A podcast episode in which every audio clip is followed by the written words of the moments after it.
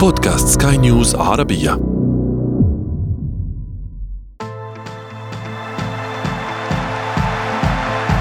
أثير الكرة.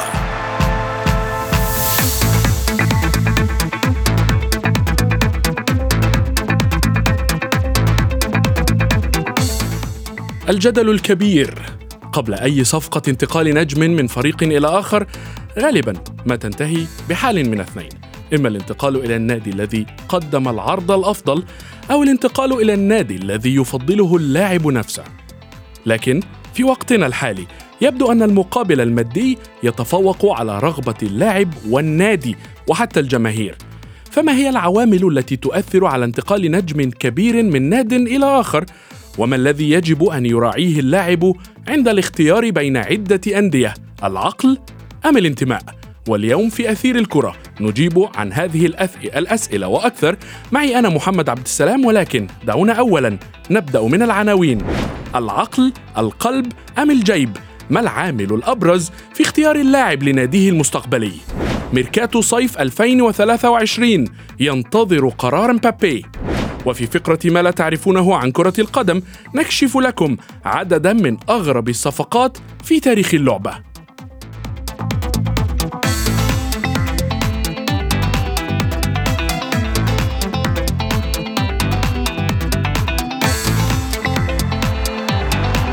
تغيير الكرة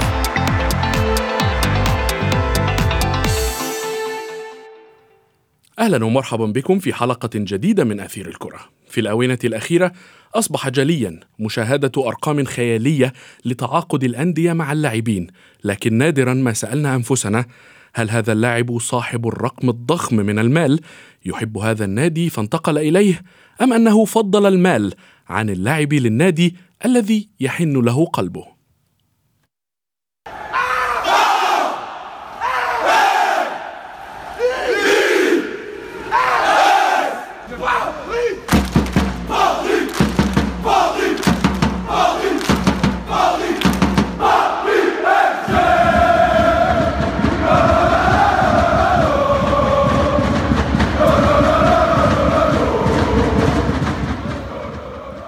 للإجابة عن الأسئلة التي طرحناها وأكثر ينضم إلينا الصحفي الرياضي أحمد نجيب. مرحبا أحمد.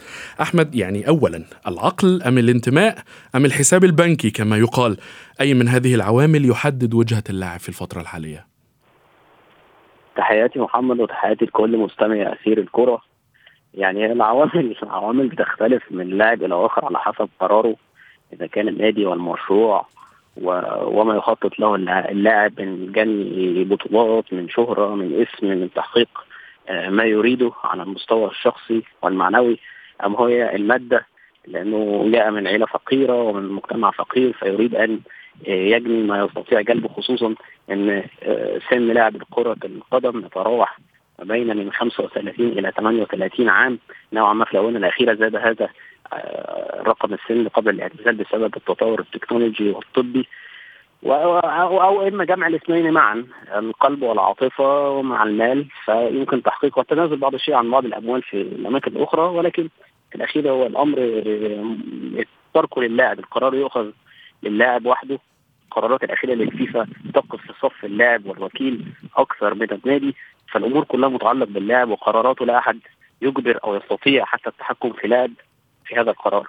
نعم ولكن يعني هل هل يجب على اللاعب أن يضع بعض من الحسابات في عقله عند عند اختيار النادي يعني في رأيك ما الذي يجب على اللاعب مراعاته عند اختيار النادي الذي يريد أن ينتقل إليه؟ العديد من الأشياء حاليا بنشهد مثلا القضايا اللي على الساحة الشائكه حاليا اللي بتتم تداولها هي كيليان امبابي مثلا على سبيل المثال كيليان لديه كذا عرض اما البقاء في فرنسا والتمديد آه، مع ال PSG أو آه، الرحيل إلى الدوري السعودي العرض الخرافي الذي يعني سمعنا عنه كذا مصدر قوي بيؤكده من خلال آه، الهلال السعودي انه قدم حوالي فيما يتراوح عن مليار يورو 300 مليون يورو لل PSG و700 مليون مليون يورو لكيليان ما بين راتب وحوافز وما إلى ذلك. إما أو الرحيل إلى ريال مدريد وجهته المفضلة منذ أن كان شابا ملصقاته في الغرفة كريستيانو رونالدو وكل ذلك. ده ده بنشهده حاليا. ما هو القرار؟ لا أحد يعلم. القرار متخبط جدا. كيليان امبابي هو أبرز مثال للحالة دي لهذا الشكل من النوع. في أمثلة عديدة مثل أوسكار الذي ترك أوروبا وتشيلسي والتوهج ودوري أبطال أوروبا وما إلى ذلك وذهب إلى الصين وهو في 24 عاما يعني. آه، نفس القصة هالك. العديد من الأمثلة نيمار ترك برشلونة والزخم والدوري نعم. الإسباني وذهب إلى الدوري الفرنسي وما إلى ذلك فالعديد من الأمثلة تتوقف في الآخر قرار اللاعب وما يريد أن يفعله في الأخير يعني هو قرار آه، اللاعب والكلمة له نعم ولكن هل تعتقد أن اللاعب الذي ينتقل إلى أي نادي بغرض مادي يعني آه، سيقدم ما ما يمكن أن يقدمه للنادي الذي يحبه إذا ما انتقل إليه؟ آه، في الأخير هو لاعب محترف. أعتقد هي فكرة تقديم ما يمكن تقديمه هو لاعب محترف في الأخير. مجرد ما لبس آه، قميص النادي وتم تقديمه بيبذل كل جهده وقصارى جهده بياخد راتب على هذا آه، العمل. لأن في الأخير كرة القدم تحولت إلى عمل وبزنس. بشكل كبير جدا فهو في الآخر هي هذه معيشته يعني ده ده, ده شغله وعمله. نعم. ايا كان النادي اللي هي هي هيتوصل لاتفاق معه أكيد هيقدم كل ما يستطيع. نعم ولكن أحمد يعني عندما عندما تقوم بعمل أنت شغوف به وتحبه غير يعني على العكس تماما عندما تقوم بذات العمل ولكنك يعني مجبر عليه أو يعني تعاقدت على هذا. بالتأكيد بالتأكيد بتختلف الشغف من شخص إلى آخر ولكن يمكن تجديد الدوافع والشغف من لاعب إلى آخر يمكن آه، خلقها آه، تجديدها آه، إبرازها ولكن دي صعبة من لعيب إلى الثاني بتحتاج لعقلية كبيرة عقلية ناضجة جدا ولكن فكرة إن أنت تلعب المكان اللي بتحبه لولائك ليه من صغرك بتفرق طبعا 180 درجة عن لو أنت رحت للمال الأمر بيبقى أشبه بالنوعا ما بتختلف من لعيب لآخر طبعا ولكن أشبه بالنزهة مش بتأدي القتاليه ما بتكونش على آخرها بتكون خلاص مجرد بتلعب للمال وفقط وتحافظ على اسمك بشكل أو بآخر ومش بيفرق معاك قوي التتويج بالبطولات أو فيما سيحدث مستقبلا. وأعتقد إن زي ما وضحت لك يعني امبابي واحد من هذه الأبرز الأمثلة لعل الأيام المقبلة هتوضح لنا ما الذي سيحدث معه أو إيه, إيه القرار في الآخر؟ الابرز هل هي العاطفة المال ام المال مع العاطفة والتضحيه ببعض المال الخليل. فهو ده اللي هتوضح لنا يعني. هو مثال الامثله كثيرة وعديدة ولكن يختلف من لعيب إلى آخر. بالتأكيد أحمد بالحديث عن امبابي يعني ابقى معي فاصل قصير ثم نستكمل الحديث فيما تبقى من حلقة اليوم من أثير الكرة. أثير الكرة.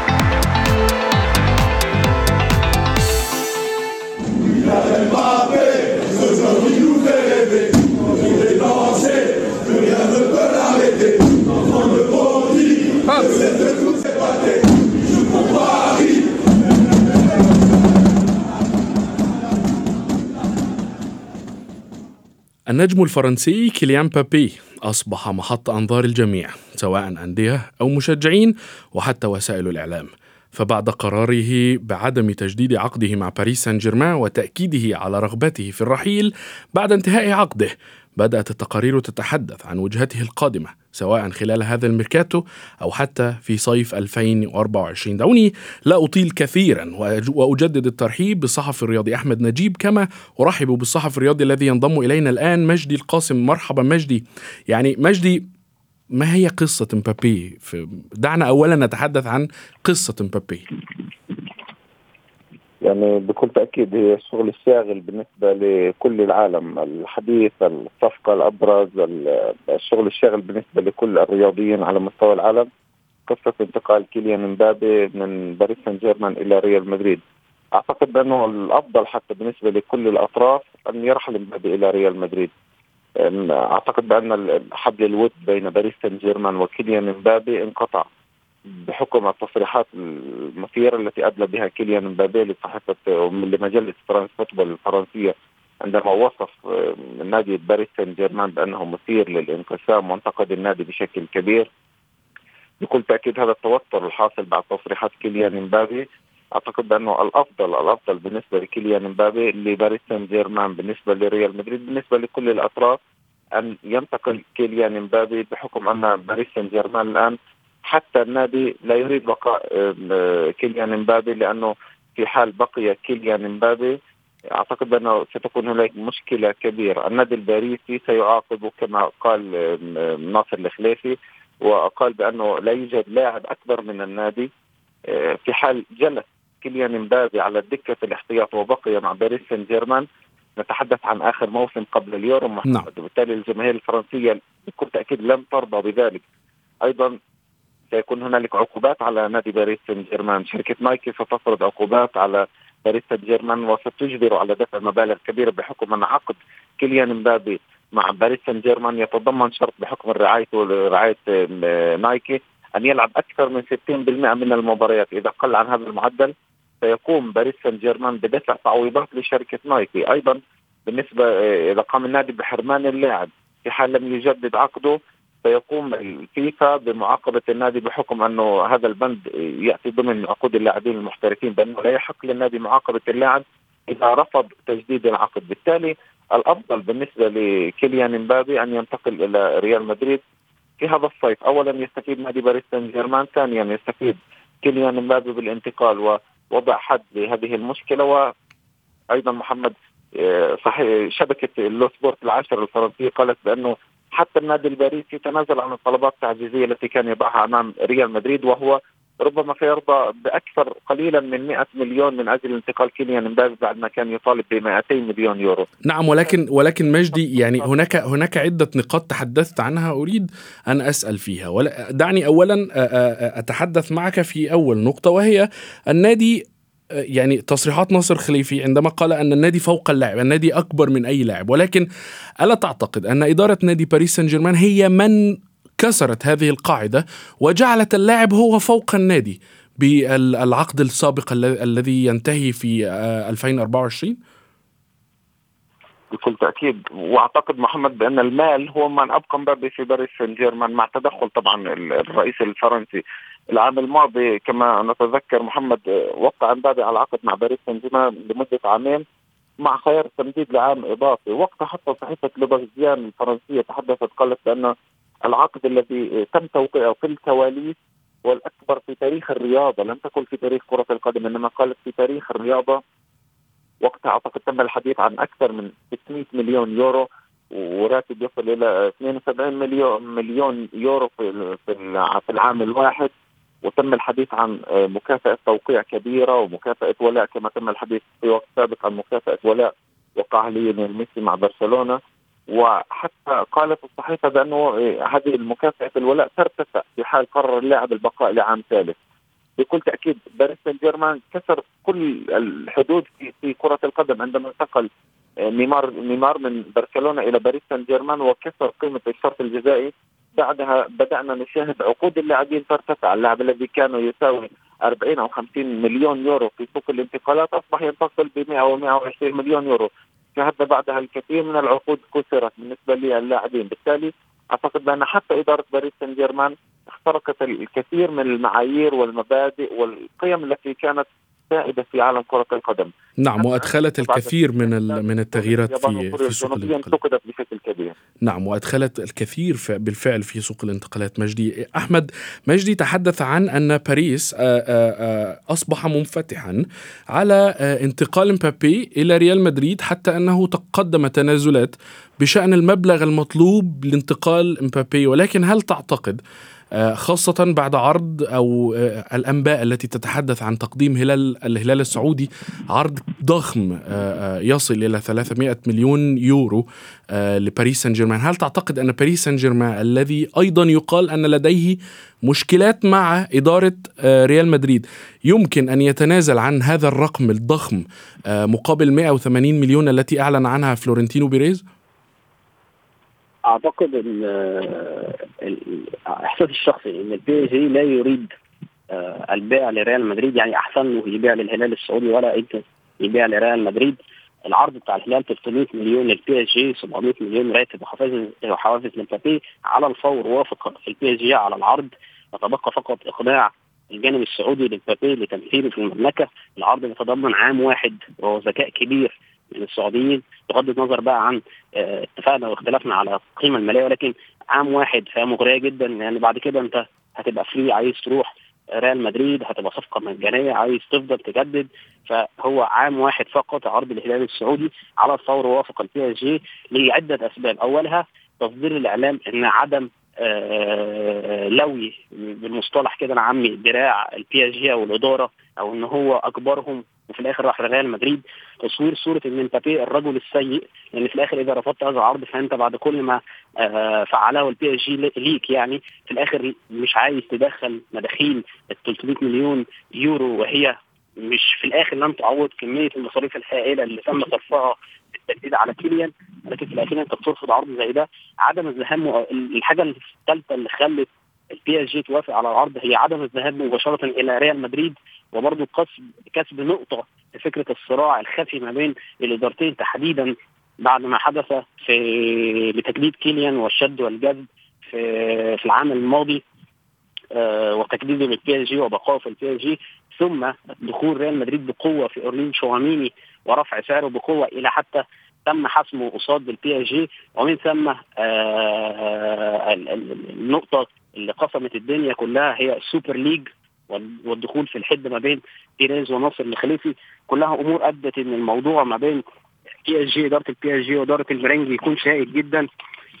الصحفي آه رومين بيدويك قال إن جميع ما يصدر مثل تحرك برشلونة مثلا ظهر على الساحة إن برشلونة بيحاول التعاقد مع كيليان هي إشاعات بينشرها النادي الباريسي لجميع صحفيين العالم إنها علامة واضحة عشان يجعلوا ريال مدريد يتحرك من أجل اللاعب إنهم يدركوا تماما إن مبابي مش هيروح إلى ريال مدريد فهم عايزين ريال مدريد يقدم آه طلب رسمي حتى الآن حتى هذه اللحظة لم يتم تقديم عرض رسمي من مدريد كيليان بيلعب على فكرة مكافأة الولاء نعم. تتراوح ما بين 60 ل 80 مليون يورو. ولكن السؤال ماذا كتب في العقد؟ يعني هل هي مربوطة بتاريخ محدد أم بالمشاركات؟ ولكن اعتقادي الشخصي أعتقد هي مربوطة بتاريخ محدد لأن لما بننظر للأحداث ناصر حط ميعاد محدد هو قبل بداية شهر سبعة يكون كيليان محدد إذا كان هيبقى أم سيستمر. نعم. فكرة أخرى إن إدارة ال PSG عندها تاكيدات إن في اتفاق خفي ما بين كيليان امبابي وإدارة المرنجي على إنه هيجي في 2024 مجانا كصفقة نعم. مجانية وهياخد مكافآت ولاء بسبب توقيعه كصفقة مجانية. فأعتقد هي أمور كلها آه، شائكة الأمور أصبحت آه، بعيدة كل البعد يعني نوعا ما عن الفكرة الرياضية بقائه هيبقى صعب جدا بعد كل التصريحات كما ذكر آه، الزميل مجدي في فكرة إن هو الإدارة الباريسية والفريق الباريسي هو فريق منقسم عرض الهلال نوعا ما بشكل غير مباشر بيقوي موقف ال PSG في التفاوض مع ريال مدريد لأن أنت لو قدمت عرض رسمي اليوم ب 200 مليون يورو ممكن ال PSG يرفض ويضغط على ريال مدريد لرفع هذا الرقم نعم. ان أنا معايا عرض تاني 300 مليون يورو. بالتأكيد. ولكن ولكن آه، للتغلب على ما تحدثت عنه أحمد بخصوص آه، آه، عدم التوافق بين إدارة PSG وإدارة آه، آه، ريال مدريد. مجدي هناك خبر آه، آه، عن آه، الصحفي في ليكيب الفرنسية لوك تانزي قال إنه تم تعيين وكيل لبدء المحادثات بين مدريد وباريس سان جيرمان للتعاقد مع مبابي. يعني آه، هناك طرق آه، يبدو أنهم آه، هناك طرق يمكن الاستفادة منها لإنهاء الأزمة عبر وكيل لاعبين آخر ينهي هذه الأزمة ويتدخل وي- وهو من يتصدر كما نقول في صفقة انتقال مبابي من باريس سان جيرمان إلى ريال مدريد. وأحد هذه الحلول محمد التي تطرح وأن باريس سان جيرمان عرض على مبابي تفعيل بند التمديد حتى عام 2025 مقابل الحصول على مكافأة إضافية ووضع بند خاص يسمح لمبابي بالرحيل العام المقبل مقابل 200 مليون لريال مدريد بكل تأكيد. وهذا الأمر سيكون دون موافقة النادي الفرنسي بالمناسبة بحكم أن هذا هذا الشيء سيكون ضمن بند تفعيل التمديد حتى عام 2025 بالتالي الكثير من الحلول تطرح على الطاولة لكن أعتقد بان هنالك مسألة تغيب عن أذهان الكثيرين. هي والدة كيليان مبابي فايز العماري نعم. التي تلعب دور كبير في تعقيد المسألة حتى في تغييب رأي و... و... وربما نقول موقف كيليان مبابي ضعيف جدا بحكم أنه يترك كل الأمور بيد والدته ووكيلة أعماله هي فايزة العماري، بالتالي أعتقد بأنها تبحث عن المال كثيرا. بحكم أن آه، كيليان مبابي هو جدد مع باريس سان جيرمان في العام الماضي عندما جدد لمدة موسمين قابلة للتمديد لعام إضافي. شهدنا كل الحوافز كل المغريات التي قدمها نادي باريس سان جيرمان بعد تدخل أيضا الرئيس الفرنسي. بالتالي هي تبحث عن المال والكل يتفق على هذه النقطة بأنها هي من تعقد انتقال كيليان مبابي أو حتى بقائه بالتالي آه، هنا اعتقد أعتقد بأنه حتى شخصية كيليان مبابي تبدو ضعيفة بالنسبة للعيان ولكل المتابعين وبالتالي أستغرب كيف يتم تعيينه كقائد للمنتخب الفرنسي خلفا لهوجو لوريس بحكم أن اللاعب تتحكم والدته في مصيره في سواء في بقائه في باريس سان جيرمان أو حتى في الانتقال الانتقال نعم. بات وشيك محمد بكل المقاييس لأن المفاوضات بكل تأكيد أعتقد أنها وصلت إلى طريق مسدود وهنالك يعني إمكانية للانتقال وحوافز كثيرة من بينها أنه لا يوجد راس حربة حاليا في فريق ريال مدريد. هذا الدور يمكن أن يلعبه كيليان مبابي بعد ما انتقل آه، كريم بنزيما. أيضا التعقيدات الكثيره التي بدأت الآن تدور في الأفق وحتى في غرفة الملابس والأجواء التي سيفرضها كيليان مبابي في حال بقي لموسم إضافي. ولكن أعتقد بأن المشكلة الرئيسية تكمن في والدة ووكيلة عمل كيليان مبابي فايز العماري. نعم بالتأكيد وهو آه، في بشأن آه، ما تحدثت عنه هو ما قلناه بأن باريس سان جيرمان هو كان السبب الرئيسي في وضع اللاعب في مكانة أعلى من النادي وكسر آه، آه، فكرة أن النادي دائما فوق اللاعب وهو من يتحكم في اللاعب ولكن آه، أحمد يعني أخيرا هل هل يوافق يعني إذا ما وافق مبابي على الانتقال إلى الهلال السعودي آه، لموسم واحد ثم الانتقال إلى ريال مدريد. هل تعتقد أن فلورنتينو بيريز بهيمنته والأنا والحالة المعروف بها بيريز هل يوافق على قدوم مبابي بعد هذا العام؟ أعتقد لأن الاتفاق الخفي في الأصل كان إنه هيجي في 2024 فكرة الطرح قدومه حاليا هي دفعة قوية من إدارة ال PSG لفكرة عدم رحوله مج... آه، رحيله مجانا وعدم آه خسارة الشكل الإعلامي لإدارة ال PSG وخسارتها المعركة أمام ريال مدريد ان الأمر تحول إلى العند والند بالند وما إلى ذلك. فأعتقد إن ريال مدريد حتى الآن لم يتم تقديم عقد رسمي فبالتبعية هو لم يرفض ريال مدريد كما حدث مثلا في المفاوضات السابقة وتجديده مع ال PSG فأعتقد إن الأمور لن ينظر لها كما نظر لها في السابق فإن رحل إلى الهلال السعودي وإن كان يعني أعتقد إن هو بعد آه، رده على تدوينة لاعب ال NBA جيانيس أنتيتوكونمبو عبر تويتر اللي كتب إن يمكن للهلال التعاقد معي فأنا أشبه كيليان نعم. رد امبابي عليها بإيموجي ضحك البعض فسره إن هو يفضل البقاء في دكة ال PSG عن ترك أوروبا والرحيل إلى الدوري السعودي. فأعتقد حتى وإن ذهب إلى الهلال السعودي ريال مدريد في الأخير أمام وسائل الإعلام لم يتم هذه صورته لأنه لم يقدم عرض رسمي. نعم. طبعا خلف الكواليس معروف تماما إنه يريده فأعتقد ان حتى ذهابه إلى الهلال. بالتأكيد. ويبدو يبدو أيضا أحمد أن الأيام القادمة تحمل لنا الكثير بشأن آه، صفقة انتقال مبابي الذي بالفعل كما قال مجدي قاب قوسين أو أدنى من ترك باريس سان جيرمان هذا في خلال هذا الميركاتو. شكرا جزيلا لكما كنتما معي الصحفيين الرياضيين أحمد نجيب وأيضا مجدي القاسم.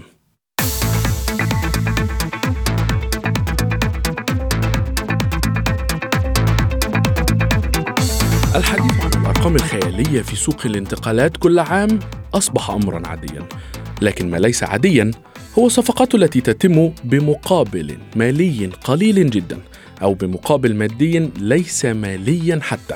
واليوم فيما لا تعرفونه عن كرة القدم سنكشف لكم عددا من الانتقالات الغريبة في عالم المستديرة اللاعب الأرجنتيني فرانكو دي سانتو لاعب تشيلسي السابق خلال الفترة بين عامي 2008 و2010 خلال فترة شبابه كان يلعب لنادي الأرجنتين لكرة القدم وأراد فريق أوداكس إيطاليانو التشيلي التعاقد معه بشتى الطرق حتى نجحوا في ذلك أخيرا ولكن كان المقابل غريبا.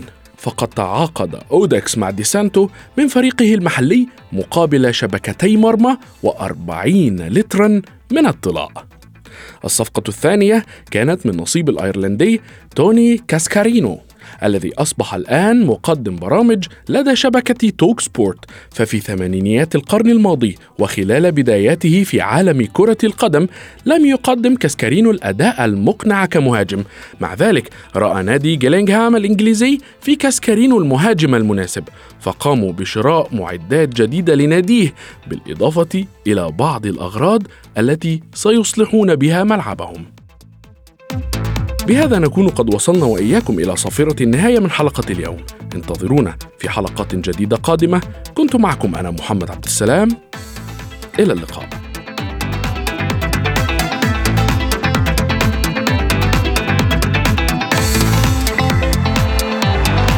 تغيير الكرة.